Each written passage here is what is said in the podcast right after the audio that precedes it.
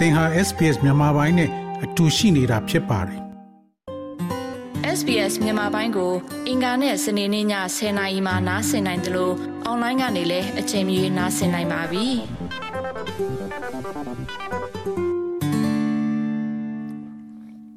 တော်ရရှိမြခင်ဗျာ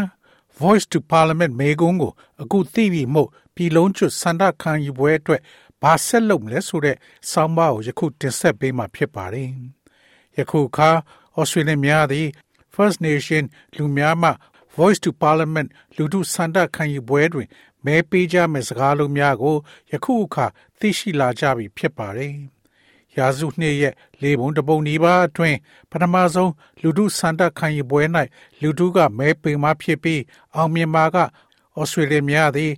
1989ခုနှစ်ကတည်းက၎င်းတို့ရဲ့ဖွဲ့စည်းပုံအခြေခံဥပဒေကို ပြင်ဆင်ရန်ပထမဆုံးချိန်မဲပေးမှာဖြစ်ပါတယ်။ဂျာသာပဒေနေ့က Voice ပြည်လုံးကျွတ်ဆန္ဒခံယူပွဲအလုတ်အဖွဲ့နဲ့တွေ့ဆုံပြီးမှဝန်ကြီးချုပ်အန်သိုနီအယ်ဘနီစီကမဲပြပေါ်မှာရိုက်နှက်ရမယ့်မေကွန်းကို ထုတ်ဖော်ပေးခဲ့ပါတယ်။အဆိုပြုထားသောဥပဒေ ဩစတြေးလျရဲ့ပထမဆုံးဌာနေတိုင်းသားများကိုအသိမှတ်ပြုရန်ဖွဲ့စည်းပုံအခြေခံဥပဒေကို ပြင်ဆင်ရန်ဤပြောင်းလဲမှုကိုသင်အတည်ပြုပါသလားဆိုတဲ့မေးခွန်းကို တင်ဆက်ပေးမှာဖြစ်ပါတယ်။ဩစတြေးလျများသည်ယခုနှစ်ကုန်တွင်ရွေးကောက်ပွဲမဝင်မီ Robert ဒစိတ်တုံးထုရန်ဤအဆိုပြုချက်ကို ပါလီမန်သို့ရောက်ရှိသွားမှာဖြစ်ပါတယ်။ The Voice သည် First Nation Australia များနဲ့ ပတ်သက်တဲ့ပြဿနာများနဲ့ပတ်သက်လို့အစိုးရကိုအကြံပေးတဲ့အဖွဲ့ဖြစ်ပါတယ်။ဥပဒေတွေကိုဗီတိုအာဏာသုံးပိုင်ခွင့်မရှိပါဘူး။ Mr. Albanese သည်ဒီလှုပ်ဆောင်ချက်ခန္ဓာကိုယ်ရဲ့လှုပ်ဆောင်ပုံနဲ့ပတ်သက်တဲ့အသေးစိတ်အချက်လက်များကိုထုတ်ဖော်ပြောကြားပါတယ်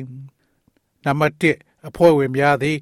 တာဝန်ခံမှုသေးကြစေရန်သတ်မှတ်ထားသောရက်စွဲများရှိပါလိမ့်မယ်။နံပါတ်2ကြားမှမျှမျှတတဖြစ်မှဖြစ်ပြီး လူငယ်အဖွဲ့ဝင်များလည်းပါဝင်မှာဖြစ်ပါတယ်။နံပါတ်3ပြည်내နဲ့တိုင်းအသီးသီးမှကိုယ်စားလှယ်များကိုခေါ်ယူမှာဖြစ်ပါတယ်။နံပါတ်4၎င်းတွင်သီးခြားဝေးလံခေါင်တည်သော အတိုင်းဝိုင်းများမှကိုယ်စားလှယ်များပါဝင်မှာဖြစ်ပါတယ်။ဒါပေမဲ့ပါတီဝင်တွေကိုဒီမိုကရေစီနည်းကျရွေးကောက်တင်မြှောက်မလားခန့်မလားဆိုတာကိုတော့သူကမပြောပါဘူး။ယခုဆက်လက်ပြီး နောက်ထပ်အဆင့်တွေကဘာတွေလဲဆိုတာကို ကြည့်ရှုမှာဖြစ်ပါတယ်။ပါလီမန်မှာမဲခွဲပြီးတော့ပြည်သူကမဲပေးတယ်။ပြည်လုံးကျွတ်ဆန္ဒခံယူပွဲကျင်းပရန်လွှတ်တော်မှတစ်ဆင့်ဥပဒေပြုရန်လိုအပ်ပါတယ်။ပုံမှန်မဟုတ်ဘဲဥပဒေကျမ်းသည်အောက်လွှတ်တော်နဲ့အထက်လွှတ်တော်ကအတည်ပြုရန်မလိုအပ်ပါဘူး။၎င်းသည် theory ရ labor ထိန်းချုပ်တဲ့အောက်လွှတ်တော်ကိုနှစ်ချိန်တိုင်တိုင်အောင်မြင်ရန်အာမခံချက်ရှိတယ်လို့ဆိုလိုပါတယ်။ ဂျာသာပရီနေ့တွင်မစ္စတာအယ်ဘနီစီမှဖော်ပြထားသောမေကွန်းအတွက်ဩစတြေးလျအရွယ်ရောက်သူများသည် yes သို့မဟုတ် no မဲပေးရမှာဖြစ်ပါတယ်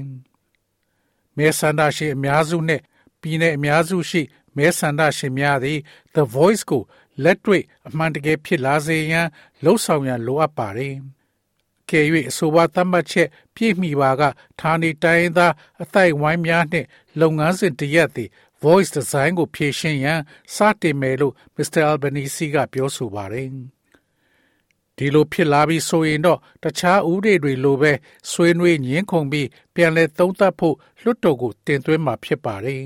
။ဘယ်ချိန်မှမဲပေးနိုင်ကြမလဲဆိုတာကိုယခုကြည့်ရှုမှာဖြစ်ပါတယ်။ Mr. Albanese ကယခုနှစ်ကုန်တွင်မဲပေးရမယ်လို့ကတိပြုထားပါတယ်။၎ င်းသည် ပြီးခဲ့တဲ့လတွင် အဆိုပါအချိန်ကာလကိုရှော့ချခဲ့ပြီး အောက်တိုဘာလမှ ဒီဇင်ဘာလအတွင်း လူထုစန္ဒခံယူပွဲလှုပ်ဆောင်သွားမှာဖြစ်ကြောင်း အကြံပြုခဲ့ပါတယ်။စန္ဒခံယူပွဲများကို စနေနေ့တွင် ကျင်းပမှာဖြစ်ကာဆိုလိုတာကမဲပေးရမယ့်ရက်ရွေးချယ်နိုင်တာက လက်တဆုပ်စာလောက်ပဲရှိပါတယ်။ သောရရှိမြတ်မြတ် SPS သတင်းဌာနက Finn McHugh ရဲ့ဆောင်းပါးကိုဘာသာပြန်တင်ဆက်ပေးထားတာဖြစ်ပါတယ်ခင်ဗျာ SBS Radio App ကို download လုပ်ပြီးနားဆင်မှတ်ချက်ပြုနိုင်ပါတယ်။ဒါရိုက်သို့မဟုတ်အချိန်မြေးနားဆင်နိုင်ပါပြီ။စစ်တမ်းမှာပါဝင်နိုင်သလိုဆက်သွယ်မှုလည်းပြုလုပ်နိုင်ပါတယ်။ Google Play ဒါမှမဟုတ် App Store မှာအခမဲ့ရယူနိုင်ပါပြီ။